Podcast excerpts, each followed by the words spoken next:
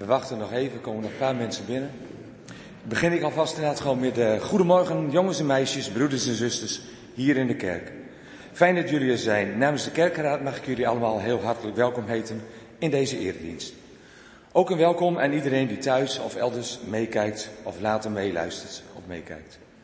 Vandaag heb ik de volgende mededeling. In deze dienst gaat voor Jan-Henk Soepenberg.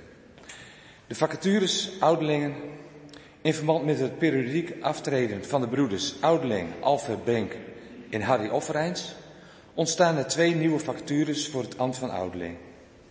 Aangezien er al twee vacatures zijn voor de clusters B en C, zijn er dus nu vier, oude, vier voor het ambt van ouderling.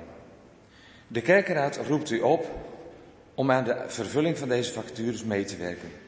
U kunt daarbij gebruik maken van de lijst die als bijlage bij de nieuwsbrief is meegestuurd. Daar kunt u dan de namen opschrijven van de broeders die u voor dit ambt geschikt acht. Belangrijk is hierbij dat u zelf eerst met de broeders in gesprek gaat voordat u de namen inlevert bij de scriba Cor Inleveren kan tot 12 februari. Verder attendeert eh, de kerkraad u op eh, dat er vanmiddag een dienst is in de Kandelaar, waarin ook Jan Henk Soepenberg hoopt voor te gaan. Deze dienst begint om 16 uur 30. Volgende week begint de morgendienst hier in de bron om 10 uur. En er zal ook weer koffie drinken na de dienst zijn. De collectes voor vandaag. De eerste is bestemd voor de Theologische Universiteit en de tweede is voor het jeugdwerk. Dan nog een extra mededeling. In de afgelopen week, vorige week zondag, mocht Miley Jane één jaar worden, was ze jarig. Dus uh, voor de ouders ook van harte gefeliciteerd. En ook voor uh, Miley Jane, maar die krijgt er iets minder bewust mee. En Stef van der Laan mocht gisteren op 27 januari drie jaar worden. En Stef, ook van harte gefeliciteerd met je verjaardag.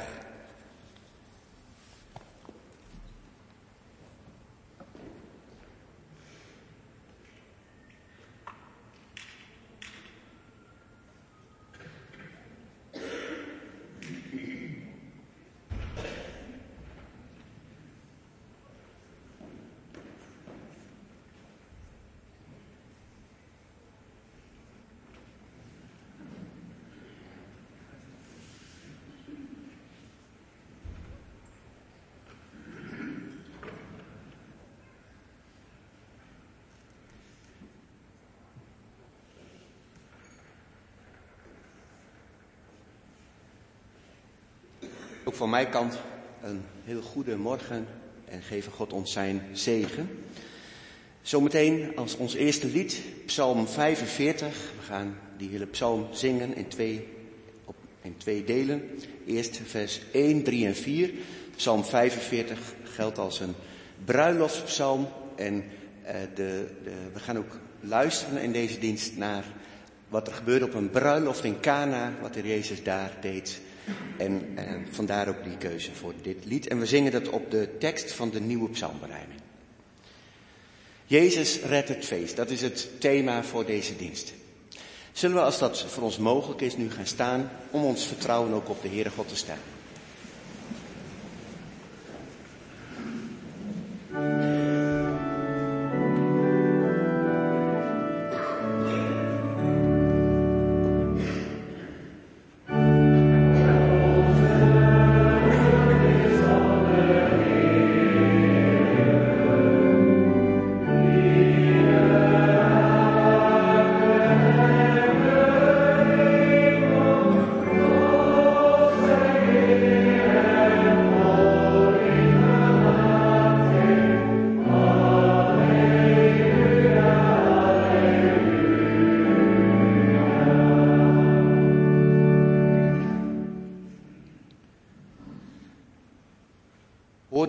Vredegloed van God. Genade, barmhartigheid en vrede voor u en jou, van God onze Vader en van Jezus Christus onze Heer.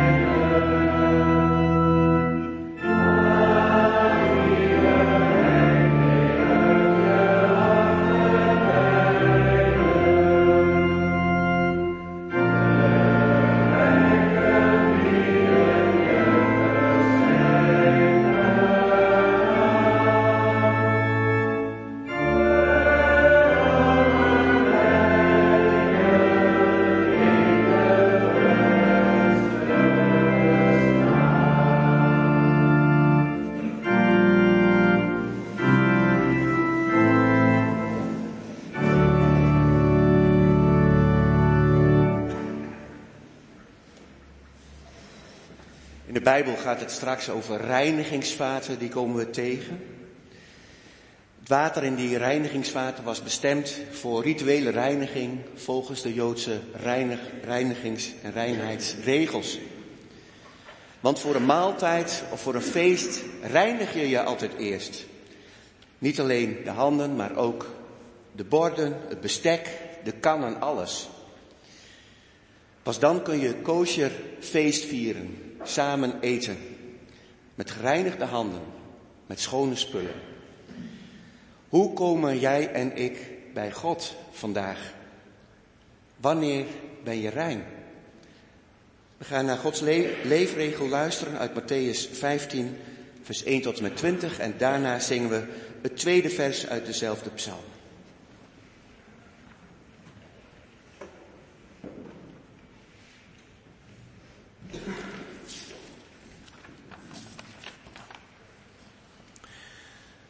Toen kwamen er vanuit Jeruzalem fariseeën en schriftgeleerden naar Jezus. Ze vroegen hem, waarom overtreden uw leerlingen de tradities van onze voorouders? Ze wassen hun handen niet voor ze brood eten. Hij antwoordde hun, en waarom overtreedt u het gebod van God omwille van uw eigen traditie? Want God heeft gezegd, toon eerbied voor uw vader en uw moeder. En ook, wie zijn vader of moeder vervloekt, moet de dood gebracht worden. Maar u leert, wie tegen zijn vader of moeder zegt, alles wat voor mij is en voor u van nut had kunnen zijn, bestem ik tot offergave. Die hoeft niet zijn ouders geen eerbied te tonen. Zo ontkracht u het woord van God omwille van uw eigen traditie. Huigelaars, hoe treffende is de profetie die Jezaja over u heeft uitgesproken. Dit volk eert mij met de lippen, maar hun hart is ver van mij. Te vergeefs vereren ze mij van wat ze onderwijzen, zijn ze, want wat ze onderwijzen zijn voorschriften van mensen. Nadat hij de mensen bij zich had geroepen, zei hij tegen hen, luister en kom tot inzicht. Niet wat de mond ingaat maakt een mens onrein, maar wat de mond uitkomt, dat maakt een mens onrein. Daarop kwamen de leerlingen bij hem en zeiden, weet u dat de fariseeën uw uitspraak gehoord hebben en dat ze die aanstootgevend vinden? Hij antwoordde, elk plant, elke plant die niet door mijn hemelse vader is geplant, zal met wortel en al worden uitgerukt. Laat ze toch, die blinde blinde geleiders. Als de ene blinde de andere leidt, vallen ze samen in een kuil. Toen stelde Petrus de vraag, Wilt u ons die uitspraak uitleggen? Jezus zei, begrijpen ook jullie het dan nog steeds niet? Zien jullie dan niet in dat alles wat de mond ingaat in de maag en in de maag terechtkomt en in de beerput weer verdwijnt? Maar daarentegen, de mond uitgaat, komt uit het hart. En die dingen maken een mens onrein. Want uit het hart komen boze gedachten, moord, overspel, ontucht, diefstal, valse getuigenissen en lasten. Dat maakt een mens onrein. Niet eten met ongewassen handen.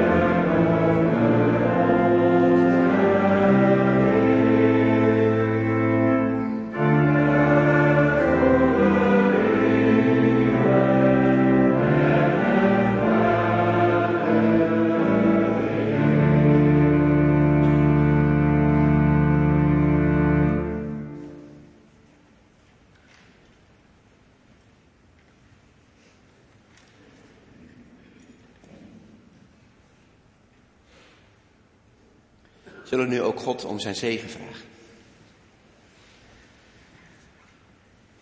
Heer in de hemel, dank u wel voor deze dag die u gemaakt hebt. Deze eerste dag van een nieuwe week. En deze dag mag het ritme van die week bepalen, mag richting daaraan geven. Ons eraan herinneren dat we onderweg zijn, van week tot week, naar de grote dag. De dag van de ontmoeting, dat we onze koning in de ogen mogen zien. Dat hij ons als zijn bruid bij zich wil nemen. Heer, zo zongen we net ook die psalm. Ja, allereerst zal het gegaan zijn over een aardse koning die in het huwelijk treedt, maar het plaatje is zo mooi van die koning. En dan weten we dat geen koning op aarde daaraan voldeed. Zo stralend, zo goed. Die al het kwaad kan wegdoen. We mogen u, in u, Heer Jezus, die koning ontmoeten. We mogen u toebehoren. U wilt bij ons horen. U voelt zich daar niet te groot voor, te heilig. U maakte zich helemaal één met ons. Dank u wel daarvoor. Dank u wel dat we zo ook hier samen mogen zijn om u, Vader, Zoon en Geest, te eren. Uw trouw, uw liefde te bezingen. Die liefde en genade naar ons te zien toekomen, dat we het mogen ervaren, mogen proeven dat u goed bent. Heer, wij bidden u daarom ook, doe weg wat niet past bij uw liefde, bij uw zuiverheid. Heer, het kwade dat er zomaar is in ons denken, in onze woorden, in onze daden. Heer, we bidden ook om de zuiverende werking van uw Heilige Geest. Om inzicht, fijngevoeligheid. We bidden om oprecht berouw over dat wat niet goed was. En we bidden, Heer, dat u door uw geest ons tot nieuwe mensen maakt. Dat we uw licht mogen uitstralen naar anderen om ons heen. Dat we elkaar in de gemeente goed doen. Dat we een bron van zegen mogen zijn. Heer, we bidden om uw zegen over deze dienst. Geef ons rust om ons op u te richten. Dat er ruimte mag zijn, Heer, in ons hart. Bij misschien zoveel wat ja, ons ook bezig houdt vanuit de afgelopen week of vanuit wat op ons wacht. Heren, wilt u zo bij ons zijn, ons uw zegen geven in alles, bij alle taken die we doen mogen, onze inbreng in deze eredienst, dat het mag zijn tot lof, tot aanbidding van u. Amen.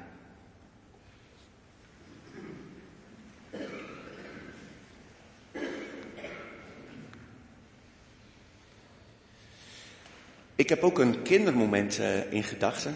Nou, ik wist, wist, niet precies hoeveel kinderen zullen er zijn in deze dienst. Maar ik zag echt heel wat kinderen zo binnenkomen. En ik zou het eigenlijk wel mooi vinden, jongens en meisjes, om even, als jullie dat zelf ook leuk vinden, als jullie, er zijn heel veel mooie stoelen hier vooraan. Zou je even hier willen zitten?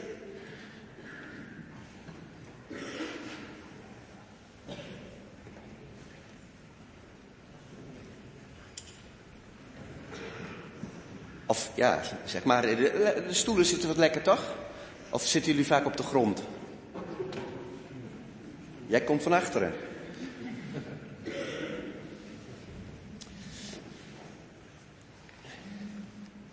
Nou, zo meteen gaan we nog danken voor uh, twee kinderen die jarig zijn geweest. Is er iemand van jullie nog pas jarig geweest of niet? Niemand? Had gekund natuurlijk. Hey, als je een verjaardagsfeestje hebt, hè, um, mag je dan ook zelf kiezen bijvoorbeeld wat je gaat eten? Als je een feestje hebt, zeg, uh, zeg dat thuis, nou wat wil jij eten? Wat zou jij kiezen?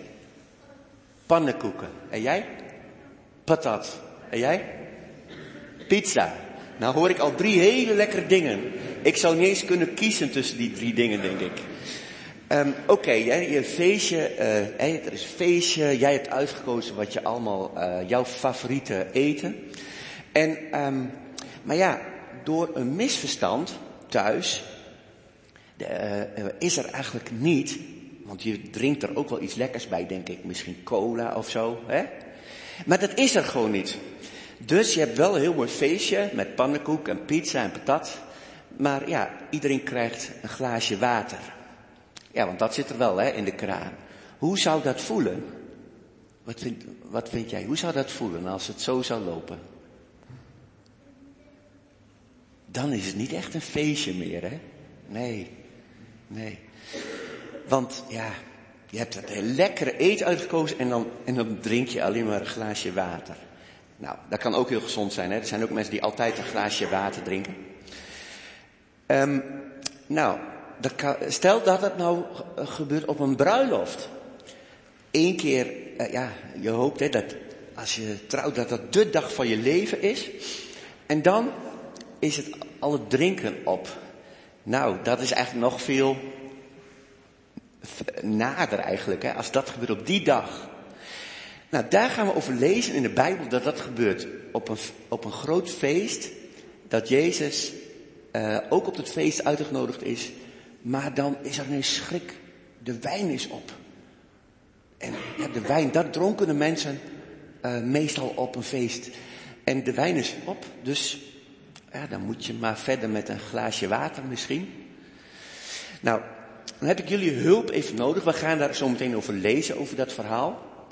En um, ik wil gewoon even kijken hoe het met jullie rekenen is gesteld. Want de Bijbel vertelt uh, hoeveel, want de Heer Jezus gaat dan een wonder doen en gaat water in wijn veranderen. En dat water zit in zes grote stenen vaten. En dat water, en dan moeten we uitrekenen hoeveel wijn de Jezus heeft gemaakt. En in elk groot stenen vat ik zie hier niet iets wat erop lijkt. Nou, we hebben er niet zulke stenen vaat. Maar dat kan, de Bijbel vertelt, dat kan twee tot drie metreten in één vat. Twee tot drie metreten. Ja, dat is het eerste wat je moet onthouden. En een metrete is um, 40 liter. Hoeveel kan er dan in één stenen vat? Wie van jullie kan dat uitrekenen? 2 tot 3 metreten kan in één vat. En een metrete, 1 metrete is 40 liter. Hoeveel kan er dan in één vat? Is dat moeilijk? Te moeilijk? Jij? Heel goed uitgerekend. 80 tot 120 liter. Want als je dan 2 metreten doet, 2 keer 40 liter. En 3 metreten, 3 keer 40 liter. Dan heb je dus 80 tot 120 liter in één vat. Maar er zijn zes stenen vaten. Hoeveel is dat dan? Jij hebt zo snel gerekend? Heel goed, minstens 480. En wat kan het ook zijn?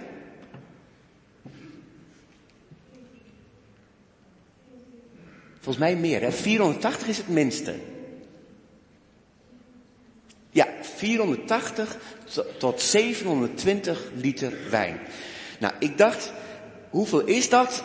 Ik heb hier nog een flesje. Ik vroeg, de kost, is hier ook een flesje wijn in deze kerk? Nou, dit is een flesje wijn wat gebruikt is met avondmaal, geloof ik, pas nog. Het was nog aangebroken. Dit is 0, uh, zeg maar 3 kwart liter. 0,75 gaat in één fles wijn. Nou, dat wordt zo moeilijk. ik kan het ook niet uitrekenen. Dat heb ik even voor jullie uitgerekend. Uh, heb ik wel de goede bij me? Nee, dat staat natuurlijk weer net op het andere blaadje.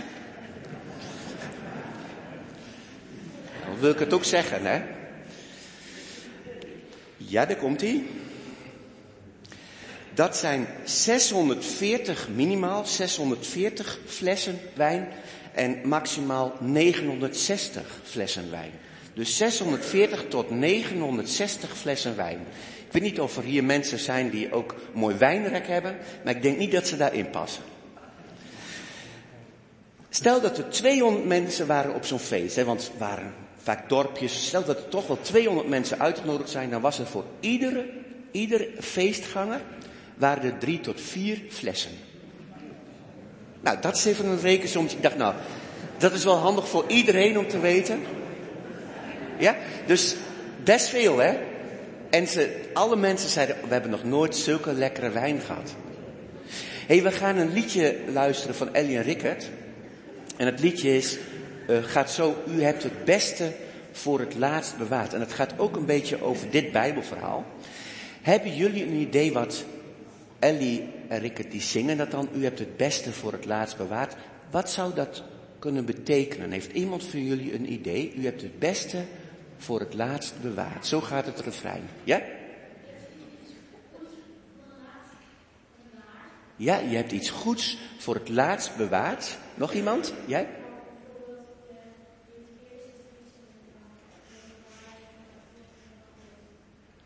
Ja, je eet eerst iets op wat je minder lekker vindt. Dan heb je toch nog iets, een andere dag, het allerlekkerst. En in het liedje zelf, dan gaat het eigenlijk ook over dat verhaal waar we in de preek over gaan luisteren. U hebt het beste voor het laatst bewaard. En dat, dat Jezus dat doet, want de mensen zeggen allemaal, we hebben nog nooit zulke lekkere wijn gedronken. Dus inderdaad, um, zelfs de wijn die ze eerst hadden gehad, zeiden ze, nou, dat was bijna nog vies, als je het zo zou moeten zeggen, vergeleken met het allerlekste wat de Heer Jezus voor hen had bewaard. Beetje zoals jij dat net zei. Ja. Oké, zullen we naar het liedje gaan luisteren en dan mag je weer naar je plek, naar je plekje terug. Tenminste, ik heb gevraagd of dat kan.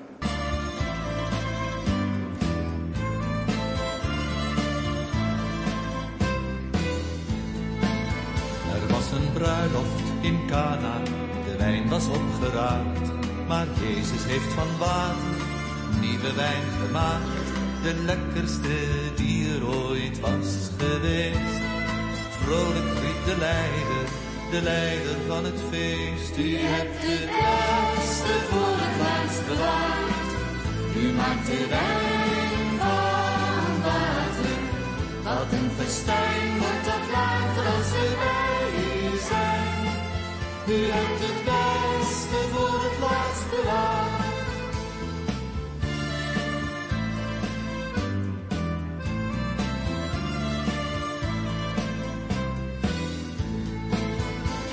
soms ook van die dagen dat iedereen zo zeurt, dat alles zo gewoon is, er nooit wat leuks gebeurt? Eet met mij, drink met mij, zegt de Heer. Ik maak je blij van binnen en dan zing je weer. U hebt het beste voor het laatst bewaard. U maakt de wijn van water. Wat een wordt dat later als we bij u zijn. U hebt het beste voor het laatst bewaard.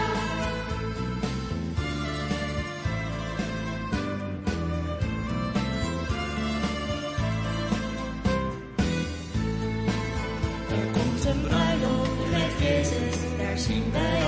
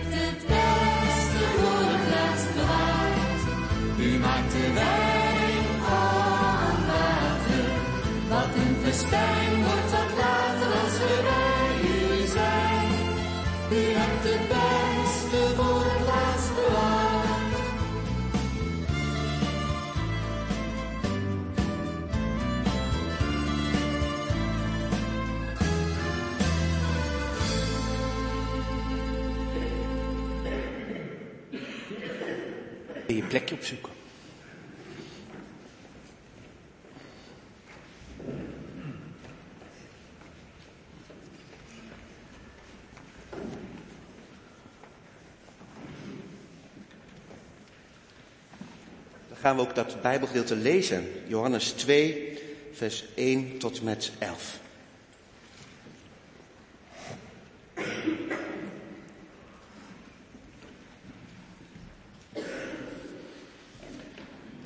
Op de derde dag was er een bruiloft in Cana, in Galilea. De moeder van Jezus was er en ook Jezus en zijn leerlingen waren op de bruiloft uitgenodigd. Toen de wijn bijna op was, zei de moeder van Jezus tegen hem, ze hebben geen wijn meer. Vrouw, wat wilt u van me? zei Jezus. Mijn tijd is nog niet gekomen. Daarom sprak zijn moeder de bedienden aan, doe maar wat hij jullie zegt, wat het ook is. Nu stonden daar voor het Joodse reinigingsritueel zes stenen watervaten, elk met een inhoud van twee à drie metretten. Jezus zei tegen de bedienden, vul de vaten met water. Ze vulden ze tot aan de rand. Toen zei hij, schep er nu wat uit en breng dat naar de ceremoniemeester. Dat deden ze. En toen de ceremoniemeester het water, dat wijn geworden was, proefde, hij wist namelijk niet waar die vandaan kwam, maar de bedienden die het water geschept hadden wisten het wel. Riep hij de bruidegom en zei tegen hem, iedereen zet zijn gasten eerst de goede wijn voor en als ze dronken zijn, de minder goede. Maar u hebt de beste wijn tot nu bewaard. Dit heeft Jezus in Cana in Galilea gedaan als eerste teken. Hij toonde zo zijn grootheid en zijn leerlingen geloofden in hem.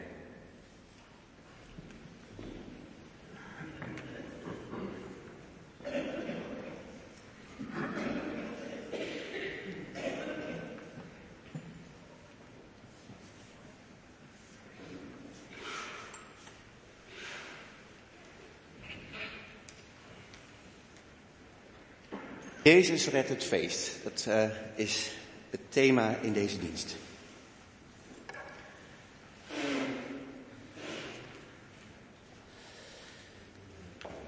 De preek uh, van, uh, bij dit Bijbelgedeelte heb ik gedaan ook naar een preekvoorbereidingsgroepje.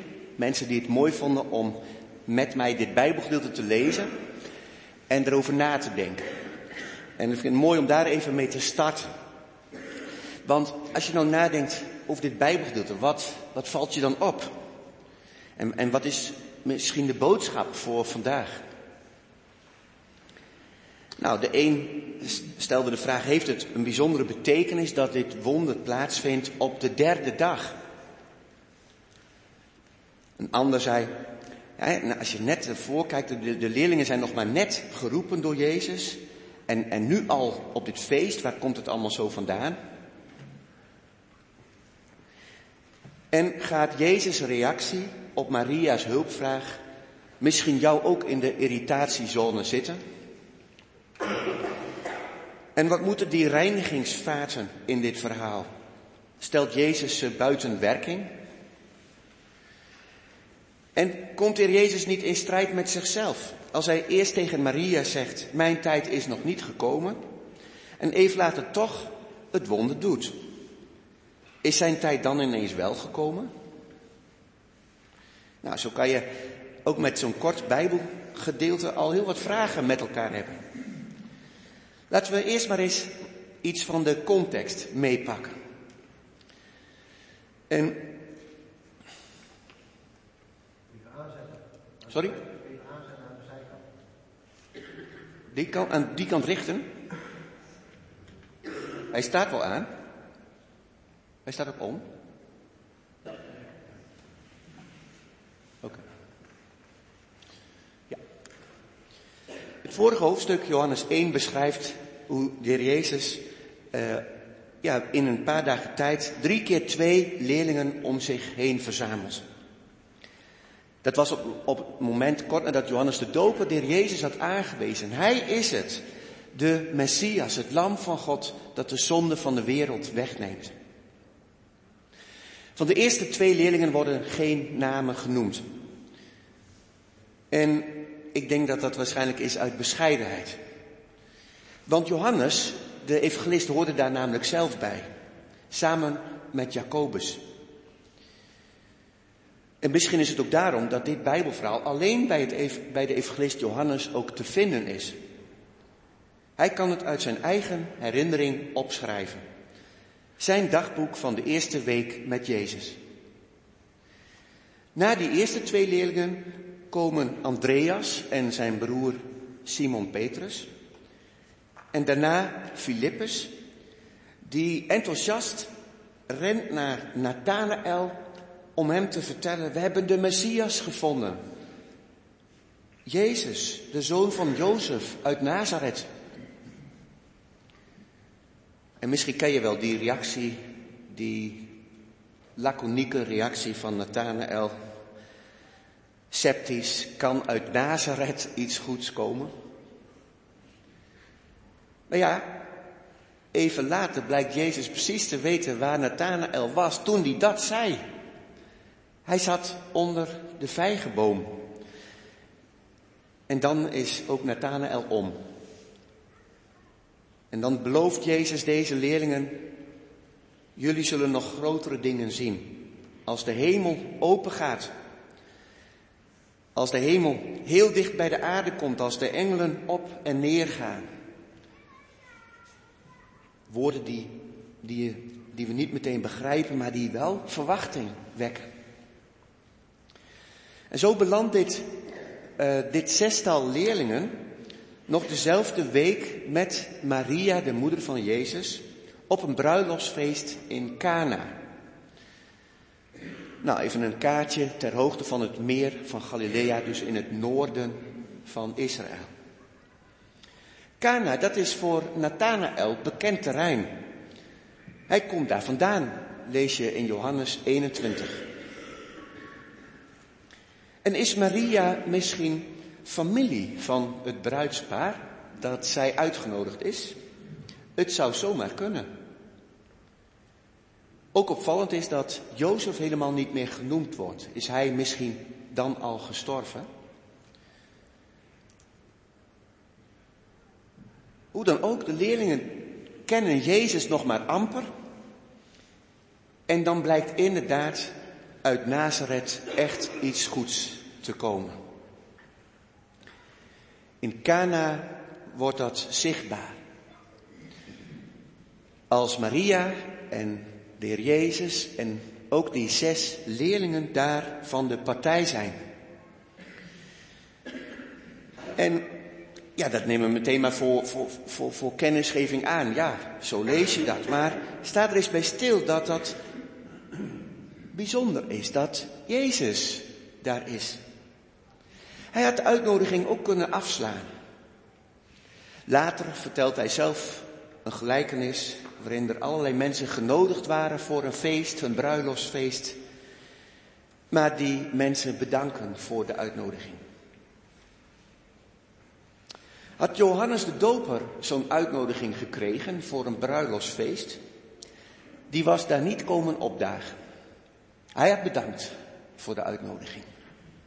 Hij leefde in de woestijn, vertelt de Bijbel, op een dieet, een sober dieet van sprinkhanen en wilde en honing. En wat alcohol betreft was hij geheel onthouden. De mensen lachten om die Johannes, die zuurpruim die zich alle plezier laat ontzeggen. Bezeten is die man. Maar Jezus is dus wel op een bruiloftsfeest te vinden. Als feestganger en zometeen ook als gangmaker. Gangmaker van dit feest. Ook daar zouden praatjes van komen. Jezus die zuiper, bezoeker van bruiloften en partijen, vriend van tollenaars en zondaars. Levering zolang de voorraad strekt. De wijn raakt op. Achter de schermen is het een zenuwachtig geboel. Een flop dreigt. Waar nog lang over gepraat zal worden. Een verhaal dat het bruidspaar een levenslang, een leven lang zal achtervolgen. En als je het interpreteert als voorteken voor geluk wat hun te wachten staat, je huwelijk zal maar zo starten. Het ontgaat Maria niet, de sensitieve Maria. Ze meldt zich bij haar zoon. De wijn raakt op. Ze zegt het niet als een feitje. Ze zegt het met verwachting. Want zij kent het geheim van haar zoon. Het geheim van die wonderlijke zwangerschap. Het heilig kind. De zoon van de Allerhoogste. Maria verwacht veel van hem. Is dit moment niet een uitgelezen kans? Maar ze krijgt nul op haar request. Vrouw, wat heb ik, wat heb ik met u te maken? Als je het wat letterlijker vertaalt dan in, in de NBV. Wat heb ik met u te maken? Dat klinkt afwijzend. Vind je niet? David zei ook een keer zoiets, koning David. Wat heb ik met jullie te maken, zonen van Seruja? Juist vandaag moeten jullie me niet tegenwerken. Vindt Jezus dat Maria hem tegenwerkt?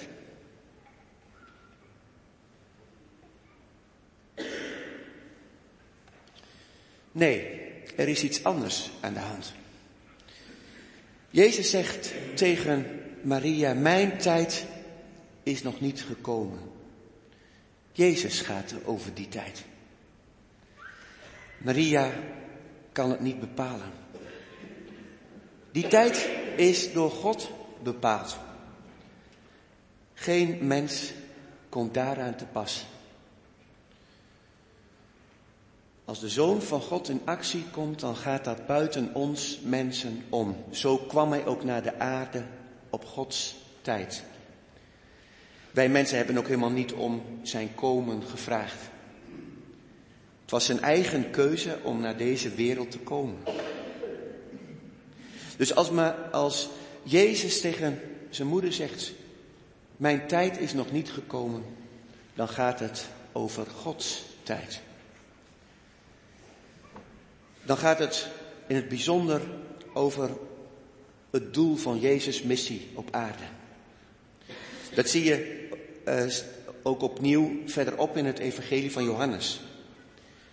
In Johannes 7 lees je over Jezus die ook weer een feestganger is in Jeruzalem. En dan staat er, niemand deed hem iets. Dat was op het moment dat hij zich bekend maakt als de zoon van God. Dan is het de timing om het bekend te maken. Maar dan staat er, niemand deed hem iets omdat zijn tijd nog niet gekomen was. Diezelfde woorden. En als de Jezus de voeten van zijn leerlingen gaat wassen, dat is vlak voordat hij gevangen genomen wordt, dan blijkt zijn tijd gekomen volgens Johannes. Het was kort voor het Pesachfeest, zo schrijft hij. Jezus wist dat zijn tijd gekomen was. Dat hij uit de wereld terug zou keren naar de Vader. En hetzelfde kom je ook tegen in het hoge priestelijk gebed, Johannes 17. Dat begint er Jezus ook met dit te bidden. Vader, nu is de tijd gekomen. Toon uw grootheid. Toon de grootheid van uw zoon. De grootheid die Jezus komt tonen is niet de catering op een feest redden, maar mensen redden. En die wijsheid, Maria, overweegt die ook op dat moment in haar hart. Het valt me op dat ze volledig accepteert hoe Jezus haar, ja, ergens terecht wijst. Maar ook dat ze haar verwachting van Jezus totaal niet naar beneden bijstelt. Want tegen de bedienden zegt ze, doe maar wat hij zegt, wat hij ook vraagt.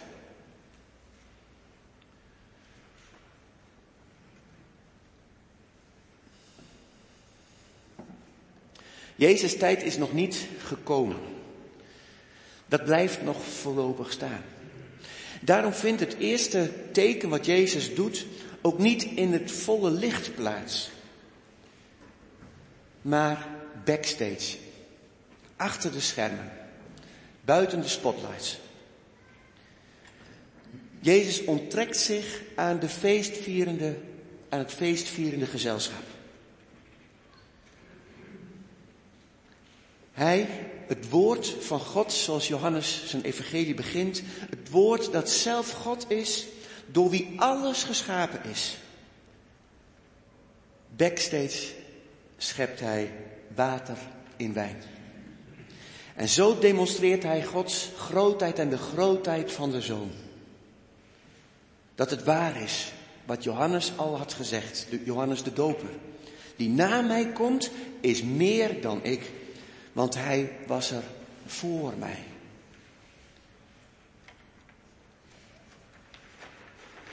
Begrijp je wat Jezus duidelijk maakt op dit feest? Hoeveel Hij jou te geven heeft. Volheid van genade die de schepping draagt, is in de nacht verschenen. Volheid van genade die Gods glorie toont. De grootheid van de Vader heeft onder ons gewoond. Volheid van het leven. Bron van overvloed, genade ons gegeven. Oneindig groot en goed. Dat lied van Sela. Bedienden maken het mee. Bedienden. Helemaal niet de volgelingen van Jezus. En van onverdachte zijde wordt de kwaliteit van de wijn erkend door de ceremoniemeester die totaal geen benul heeft van wat er is gebeurd. Hij gaat naar de bruidegom toe en zegt, wat, wat, wat, wat heb je nou voor stunt bedacht? Dat je de beste wijn nu laat serveren.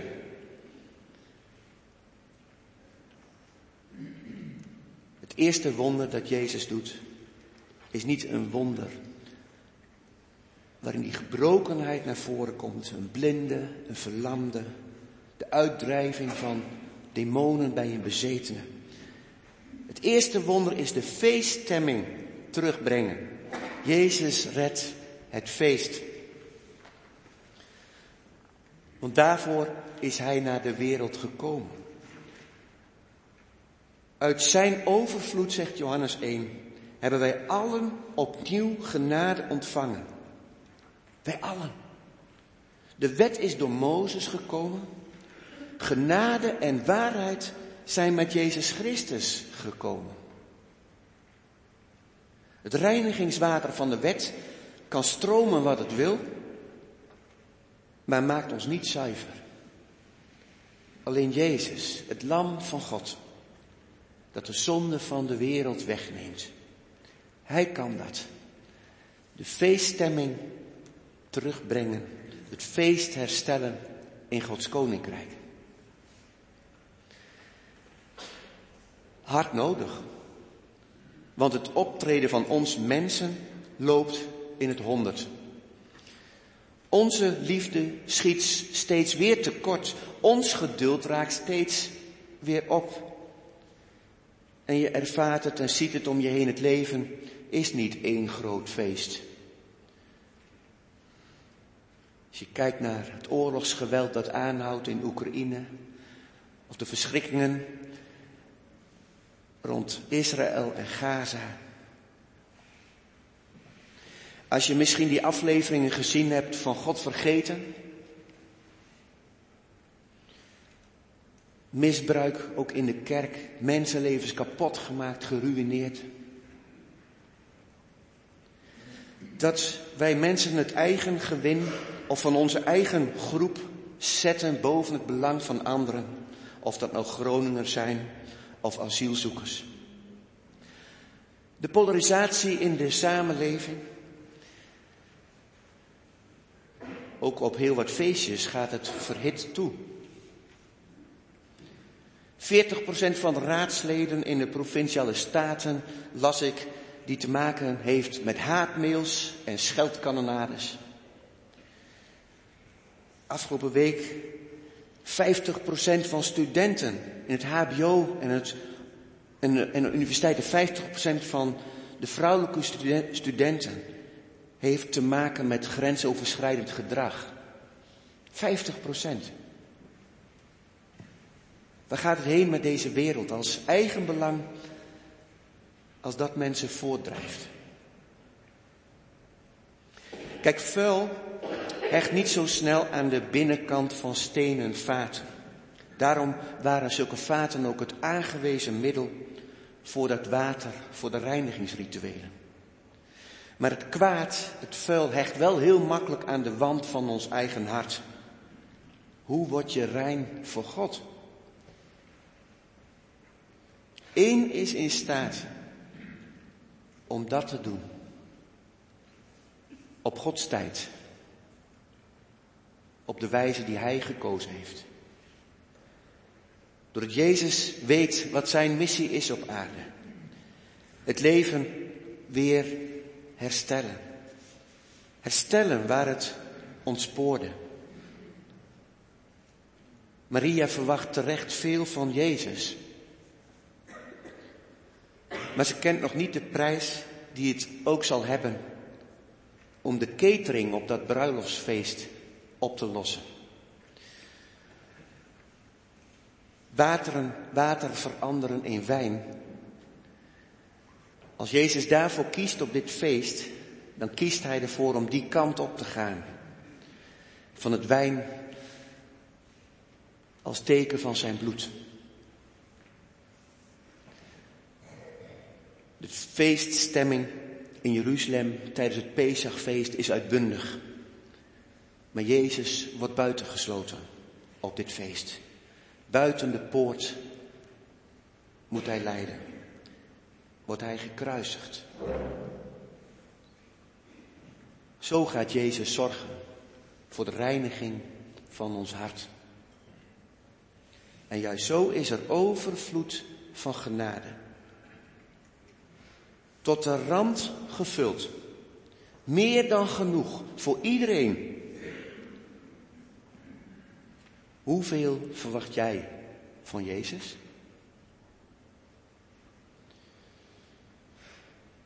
Want dat wordt zichtbaar op dat feest. Dat je die goedheid en genade mag gaan proeven. Jezus zegt, er komt een tijd. En die tijd is nu gekomen dat wie de Vader aanbidt, hem aanbidt vol van de geest, vol van waarheid. Als Gods geest jouw hart wil vullen met de liefde, de vrede en genade van de Heer Jezus. Even verder in Johannes 5 lees je werkelijk ik verzeker u, zegt Jezus, er komt een tijd, en die tijd is nu gekomen, dat de doden de stem van Gods Zoon zullen horen. En dat wie Hem horen, zullen leven.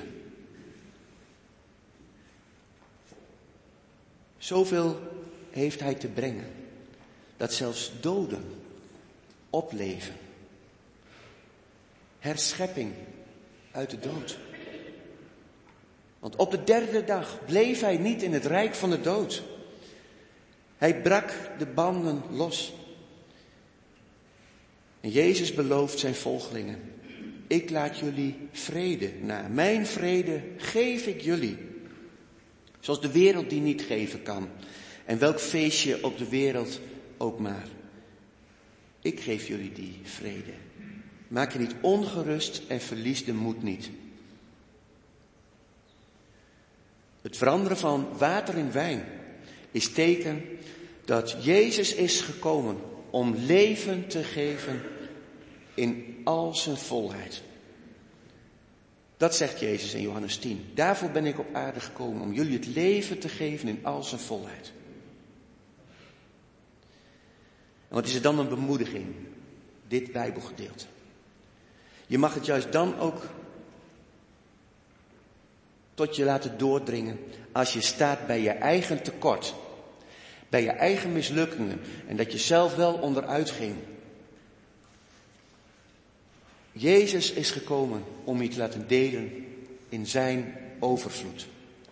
Overvloed van genade. In vertrouwen zegt Maria, doe maar wat Jezus jullie zegt. Wat het ook is.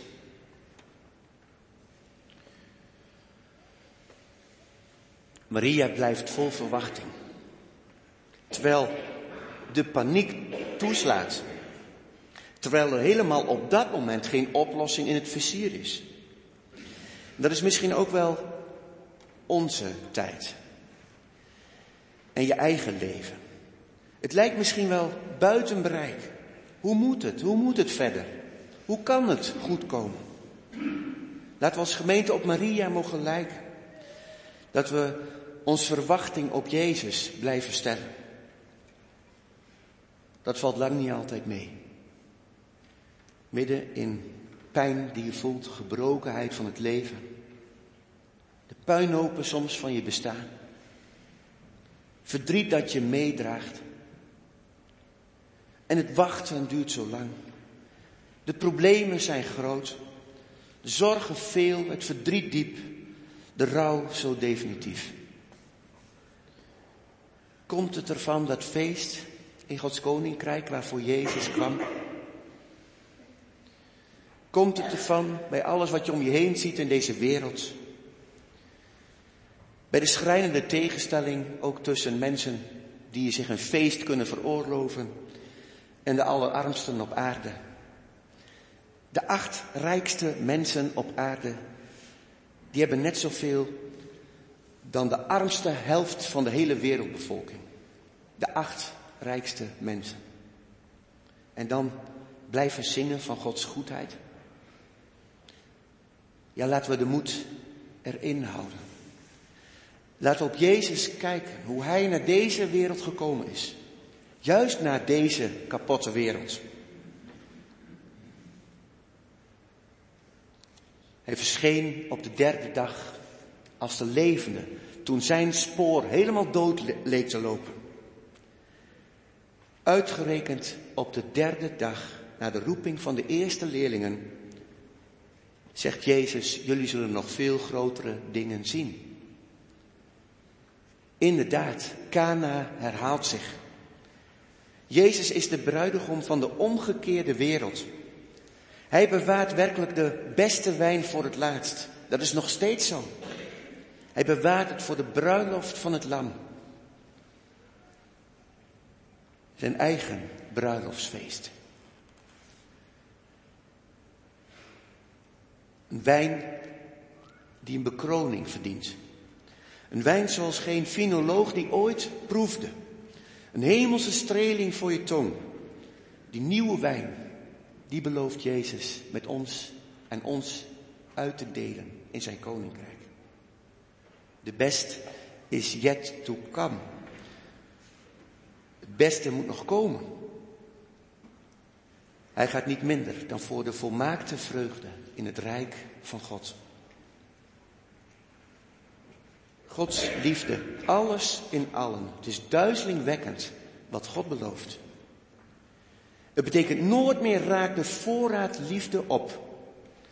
Nooit meer nestelt het kwaad zich aan de wand van je hart. Nooit meer iets dat de feestvreugde onderbreekt en de paniek toeslaat. Jezus' allereerste teken is daarom een teken dat laat zien wat jij van hem mag verwachten. En staat er de leerlingen met een prille kennismaking met Jezus. De leerlingen geloofden in hem. Ze durfden het aan te vertrouwen op hem. Doe jij dat ook? Je vertrouwen stellen op Jezus Christus. Al het goede van Hem, van Hem alleen verwachten. Een leven waarin je niets meer tekort komt. Alleen door Hem. Amen.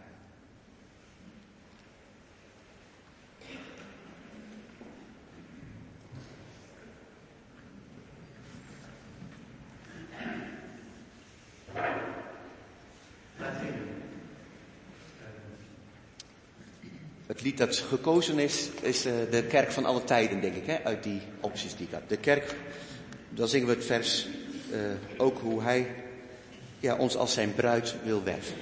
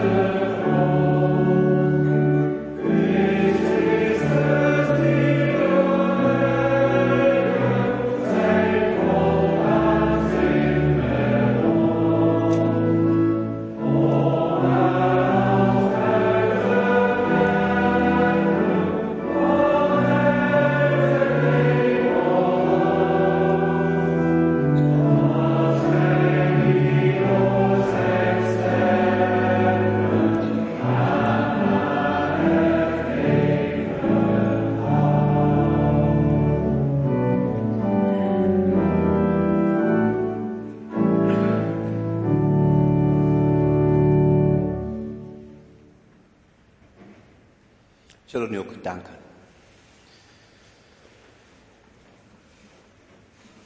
Heer in de hemel, dank u wel voor uw woord dat u ons geeft. Het getuigenis van eh, de apostelen die als uh, discipelen, als oor- en ooggetuigen meegemaakt hebben. De woorden die Jezus sprak, maar ook de wonderen die hij deed. Die het opgetekend hebben dat wij dat ook mogen lezen. Dat wij er als het ware ook door met hen deelgenoten van worden, van wat Jezus kwam doen op aarde. En daarmee ook wat hij zal komen doen op aarde. Heer, wij bidden u, geef ons geloof, geef ons veel verwachting, geef ons vertrouwen op u. Wilt u geven dat zo ook dit Bijbelgedeelte daar, daarbij mag helpen. Heer, dank u wel dat de apostelen op de wereld zijn overgegaan. Zij hebben een begin gemaakt en dat werk werd voortgezet en zo mocht het evangelie ook ons bereiken. En wilt u geven dat het goede nieuws op zoveel meer plekken mag klinken, juist ook op die plekken waar het donker is, waar de hoop opgegeven wordt. In de schaduw van de, van de dood, waar er zo weinig reden tot feest is. Heer, dat uw evangelie mag klinken. Dat het mag komen tot een kennismaking met de Heer Jezus Christus die levens verandert. Wilt u dat ook geven aan ons, Heer? Ook als we het evangelie misschien al lang kennen. Maar het evangelie is en blijft ook altijd zo'n geheimenis. Raak ons er steeds opnieuw mee. Maak ons er blij mee dat we ervan mogen zingen. Dat het ons vreugde geeft in ons dagelijks leven. Dat het ook aan ons te zien mag zijn. Dat we de Jezus Christus kennen. En in Hem een overvloed die we zelf ook niet begrijpen. Maar die ook voor anderen is. Wij bidden u, heren, om uw zegen ook over de Theologische Universiteit, waar we onze gaven voor geven. Dat ook dat een plek mag zijn waar de doordenking van het evangelie ook mensen motiveert, inspireert, om die, met die boodschap ook verder te gaan, die boodschap door te geven. Zegent u docenten, studenten, zegent u uh, ook heren, ook de universiteit, ook, juist ook voor die plekken op aarde waar die mogelijkheden er niet zijn. Zegent u als ook voorgangers met soms een heel beperkte opleiding toch extra ondersteuning mogen ontvangen en ook daarvoor colleges krijgen, een jaar lang verblijven in Nederland. Heer, wilt u ook dat zegenen? Heer, we bidden u voor elkaar in de gemeente. Wees deze gemeente nabij in alles. Geef wijsheid, geef geloof. Geef uw leiding. Heer, dat vragen we ook op een bijzonder moment, nu ook dominee Garm Sander een, uh, ja, een beroep heeft gekregen vanuit de gemeente van Ten Boer om daar te komen werken. Heren, wat is dat mooi dat dat perspectief hem geboden wordt. En wilt u hem samen met zijn vrouw, wilt u ze nabij zijn in deze tijd, wijsheid geven. En ja, uw weg, dat uw weg ook met hen, voor hen duidelijk mag worden. Heer, er is ook naar voren gebracht, uh, ja, ook weer twee vacatures die er komen in het ambt van ouderling, naast vacatures die er al waren. Heer, dat is dus een punt van zorg. En de gemeente is opgeroepen om mee te denken. Wilt u daarin nabij zijn? Wilt u helpen om daar een weg in te vinden? Heer, dat, dat willen ook in vertrouwen in uw hand leggen. Want uiteindelijk is het ook niet maakbaar. Het is ook niet iets wat wij kunnen. Wilt u op uw tijd ook duidelijk maken, Heer, hoe, hoe daarin verder? We bidden nu voor de jongeren in de kerk. Bij hun vragen, bij uh, ja, ook wat het geloof voor hen persoonlijk be uh, betekent. Wilt u hen helpen? Wilt u hen overtuigen van uw liefde? Hoe bijzonder het is om Jezus Christus te mogen kennen. Zegt u ook de gecombineerde uh, catechese of café, ook samen met uh, de jongeren, de tieners van Assen-Zuid.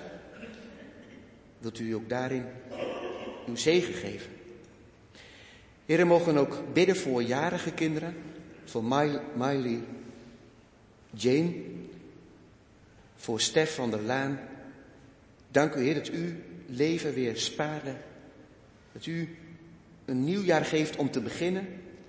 Een jaar waarvan we niet weten wat het brengen zal, maar wilt u erbij zijn? Wilt u met uw zegen, met uw bescherming meegaan? Heer, ontfermt u zich ook over de wereld waarin wij leven. Het is gewoon niet mogelijk, Heer, om alles ten volle tot ons te laten doordringen wat gaande is. Dat kunnen we ook helemaal niet aan. Maar Heer, wilt u erbij zijn? Wilt u uitkomst geven? Wilt u deze wereld heen leiden naar een wereld vol vrede en recht? Een wereld vol blijdschap?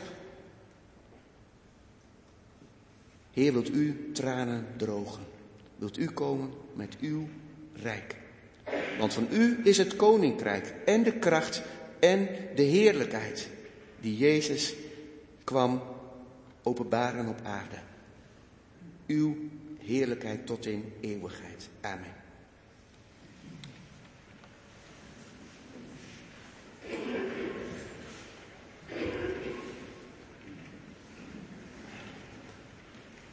Moment van collecte, bestemd voor de Theologische Universiteit en ik geloof de kerk, de tweede collecte. Hm? Jeugdwerk, tweede collecte voor het jeugdwerk.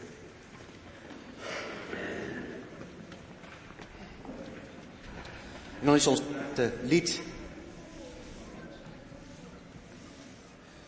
Ik denk dat ik er, dat is het nummer uit het liedboek 791, 1, 5 en 6.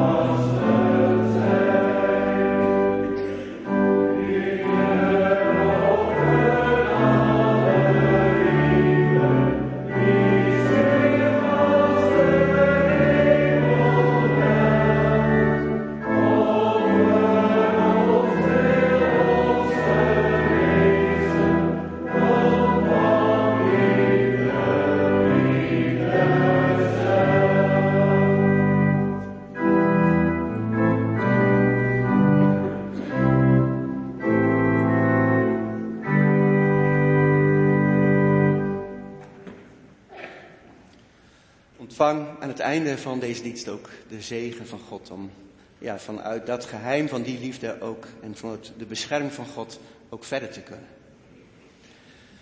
De genade van onze Heer Jezus Christus, de liefde van God en de gemeenschap van de Heilige Geest zij met u, met jou.